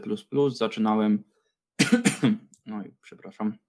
Zaczynałem jako mm, SQL developer, później przerzuciłem się na C Sharpa, programowałem w Pythonie, w Javie, mm, miałem epizod w PHP, w JavaScriptie, więc y, tych języków w karierze programisty może się pojawić wiele, e, więc tak naprawdę jeżeli zaczniemy od języka X, to niewykluczone, że za jakiś czas będziemy programować w języku Y albo Z, więc to, to kwestia e, dowolna, ale myślę, że najbardziej popularne e, JavaScript, Python, C Sharp, e, Java. Ja bym celował w te cztery języki.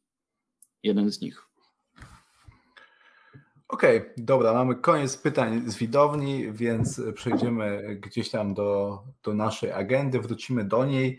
E, mówiłeś też dość dużo o zdrowiu, o tym, że, że z tym zdrowiem w naszej branży bywa różnie i trzeba gdzieś tam o to zdrowie świadomie dbać. E, I powiedz mi, czy masz jakiś nawyk, który e, gdzieś tam ci pozwala to, to zdrowie zachować?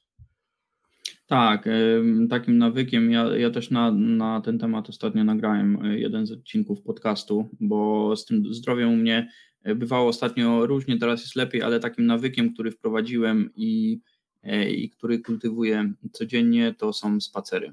Ogólnie ruch, bo miałem takie epizody, i to też otwarcie mówię, że w pewnym momencie miałem taki etap, gdzie i też nie boję się tego powiedzieć, uzależniłem się od programowania. Siedziałem po 16 godzin dziennie, przytyłem 20 kg i po prostu moje zdrowie zaczęło podupadać.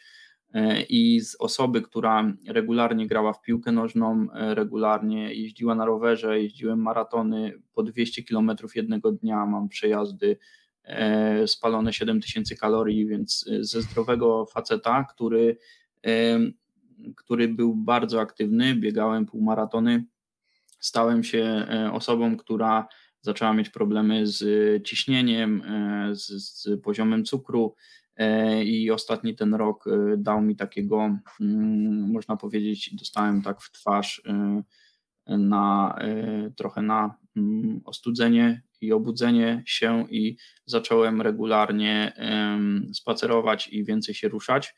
Mm, I to jest taki nawyk, który zasadniczo nic nie kosztuje. Można sobie zarzucić słuchawki, e, godzinę pospacerować, e, przy okazji posłuchać fajnego podcastu albo audiobooka, tak jak u mnie to jest.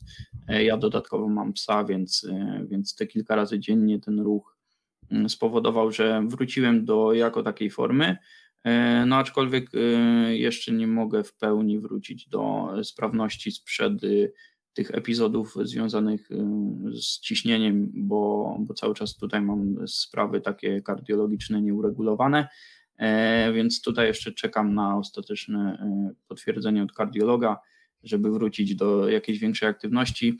Ale polecam ogólnie nie, za, nie, nie zaniedbać swojego zdrowia, bo, bo tak jak mówię, ja mm, mam też epizod y, biegania w klubie za czasów y, gimnazjum i, i technikum biegałem e, na krótkie dystanse, można sobie tam pogooglować, jeszcze gdzieś moje wyniki takie e, można znaleźć. E, i z osoby całkowicie zdrowej zacząłem mieć właśnie problemy takie mm, kardiologiczne, też po przebytym COVID jestem i to też wpłynęło na, na to, że, e, że dość mocno moje zdrowie ucierpiało. I myślę, że pochodną tego e, wszystkiego jest zbyt duża ilość siedzenia przed komputerem.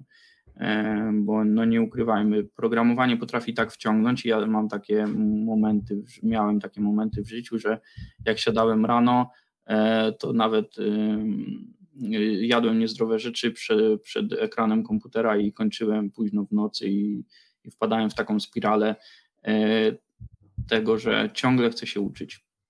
I to, to jest takie niebezpieczne. I, I tu jest taka gwiazdka do tej pasji, o której wcześniej mówiliśmy, że pasja bywa niebezpieczna. Super, super. To jest gdzieś tam e, bardzo ważna wiadomość, o tym też nie można e, zapominać. No i powoli gdzieś tam dobijamy do brzegu ale zanim dobijemy, no to nie odpuściłbym sobie, gdybym Cię nie zapytał o jakieś rekomendacje książkowe, niekoniecznie techniczne. E, czy jesteś w stanie coś polecić e, naszym widzom i słuchaczom? E, tak, ogólnie mógłbym polecać, nie wiem, dziesiątki książek, bo lubię czytać, ale takie trzy książki, które przychodzą mi do głowy. Pierwsza to jest Zrozumieć programowanie. To jest książka Gunvale Coldwinga, który pracuje w Google. To jest osoba w świecie IT mocno znana. To jest osoba, która pracuje w Google w Szwajcarii, jest Polakiem i bodajże dwukrotnym mistrzem świata, jeżeli chodzi o oprogramowanie i o CTF-y, mm, czyli takie zawody programistyczne. Mm, zajmuje się cyberbezpieczeństwem i bardzo fajną książkę napisał na temat e, ogólnie programowania. E, porusza takie aspekty mniej oczywiste, które z perspektywy programisty są bardzo znaczące. Książka nie jest łatwa. Myślę, że dla juniorów e, przybrnięcie przez nią e, to jest niezła, e, niezła batalia, niezłe wyzwanie, ale myślę, że warto. Druga taka książka, już nie techniczna, to jest książka Scotta Younga Zostań ultra samoukiem. I to jest coś, co naprawdę myślę powinien przeczytać każdy, kto ma wątpliwości, czy programowanie jest dla niego. Scott Young jest człowiekiem, który nigdy nie programował e, i napisał książkę na temat swoich doświadczeń z szybką nauką. I ma kilka e, doświadczeń e, takich i, i kilka spektakularnych sukcesów, bo wyobraźcie sobie, jest taka uczelnia MIT, to jest chyba jedna z najlepszych uczelni technicznych na świecie, i Scott Young, jako bodajże ekonomista, skończył tam studia informatyczne w 12 miesięcy, czyli 3,5 e, roku studiów e, zrobił w 12 miesięcy, zdając wszystkie egzaminy. Jako osoba totalnie nieprogramująca, e, nauczył się programować bodajże w trzech językach i w rok czasu skończył najtrudniejszą chyba uczelnię techniczną na świecie na kierunku informatyka. Dodatkowo opisuje, opisuje też swoją przygodę z nauką języków obcych gdzie w 12 miesięcy nauczył się mm, portugalskiego, hiszpańskiego, chińskiego i e, koreańskiego. E, I opowiada tam między innymi o czymś takim, co się nazywa immersja. E, I on przeprowadzał się na trzy miesiące do danego kraju i nie używał w ogóle rodzimego języka angielskiego, tylko od pierwszego dnia po przeprowadzce do danego kraju już zaczął używać zwrotów w tym języku i opowiada właśnie o tej historii, jak w 12 miesięcy e, w czterech krajach mieszkał i, i uczył się tam e, języka i praktycznie e, poza chyba chińskim i koreańskim, no, mm, które są e, dużo trudniejsze, e, to te dwa pierwsze, czyli portugalski i hiszpański, opanował na takim poziomie e, B2, gdzie komunikatywnie mógł rozmawiać. No ale w każdym z krajów sobie poradził i właśnie podjął się takiego wyzwania, gdzie przez 12 miesięcy celowo nie używał języka angielskiego, czyli swojego rodzimego języka. I, trze- i jeszcze taki trzeci ciekawy przykład w tej książce, tak na szybko powiem, to jest mm, też nauka rysunku, gdzie przez 30 dni nauczył się bardzo precyzyjnie i ładnie rysować portrety ludzi. Jeżeli ktoś rysunkiem się interesuje, to też jest ciekawe, gdzie od zera przez 30 dni nauczył się rysować na takim poziomie, że spokojnie mógłby gdzieś E, rysować jakieś karykatury albo portrety ludzi tak e, na ulicy. Czasami są osoby, które siedzą na krzesełku, zaczepiają i, i można sobie taki portret e, poprosić i myślę, że w 30 dni on na takim poziomie się nauczył, że mógłby rysować takie portrety. Więc to jest książka naprawdę która daje motywacyjnego kopa i pokazuje, że nie ma rzeczy niemożliwych. Jeżeli ktoś potrafi w rok czasu ogarnąć MIT, gdzie jest tam programowanie na takim poziomie, że, że ja bym miał trudności, żeby tam przebrnąć jeden e, rok, a gościu, który nigdy nie programował, ogarnął to w, w rok czasu całe studia, to naprawdę szapoba i czapki z głów. I to jest taka książka, która motywuje. I trzecia książka, już bardziej taka od strony psychologii, to jest Potęga Podświadomości mm, Josefa Marfiego. To jest taki, myślę, jeżeli ktoś się interesuje psychologią i taką sferą duchową, rozwoju osobistego, to myślę, że to jest taki must have, krótka książeczka, która e, pokazuje w jaki sposób e, podświadomość wpływa na nasze życie i jak dużo e, dobrego może nam przynieść chociażby pozytywne myślenie i jakieś afirmacje. Więc to są takie, to, to jest trzecia książka, którą mogę polecić, a lista myślę, jak miałbym tak usiąść i zrobić listę wszystkich książek, to, to zabrakłoby nam czasu na live, żeby je wszystkie wymienić.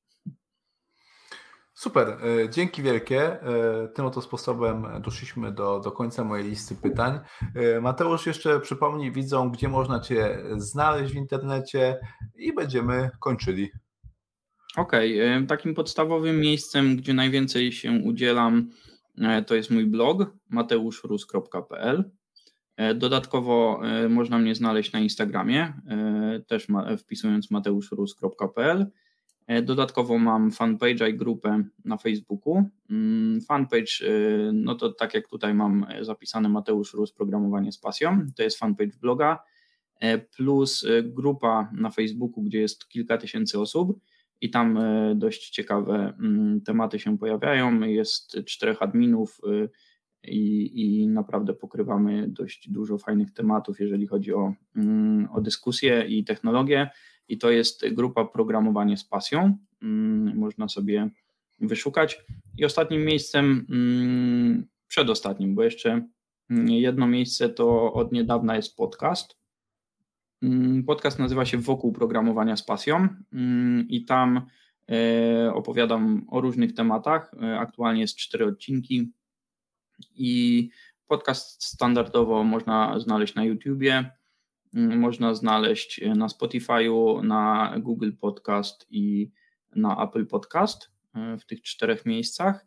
No i ostatnią taką, e, takim medium, może niekoniecznie gdzie ja się udzielam, ale gdzie można znaleźć więcej informacji o książce, to jest strona programistąbyć.online bez polskich znaków i tam można poczytać więcej o książce. Tam też są i opinie, i zdjęcia, i i kilka ciekawych informacji o samej książce, więc jeżeli kogoś temat samej książki zainteresował, to zapraszam. I to myślę tyle, mm, jeżeli chodzi o media. Super, e, dzięki wielkie. E, dzięki również za poświęcony czas, za całą wiedzę, którą przekazałeś naszym słuchaczom i też y, słuchaczom dziękuję za ciekawe pytania, które pobudziły naszą, naszą dyskusję. Tyle, do usłyszenia w kolejnym wywiadzie. Cześć. Dzięki, hej.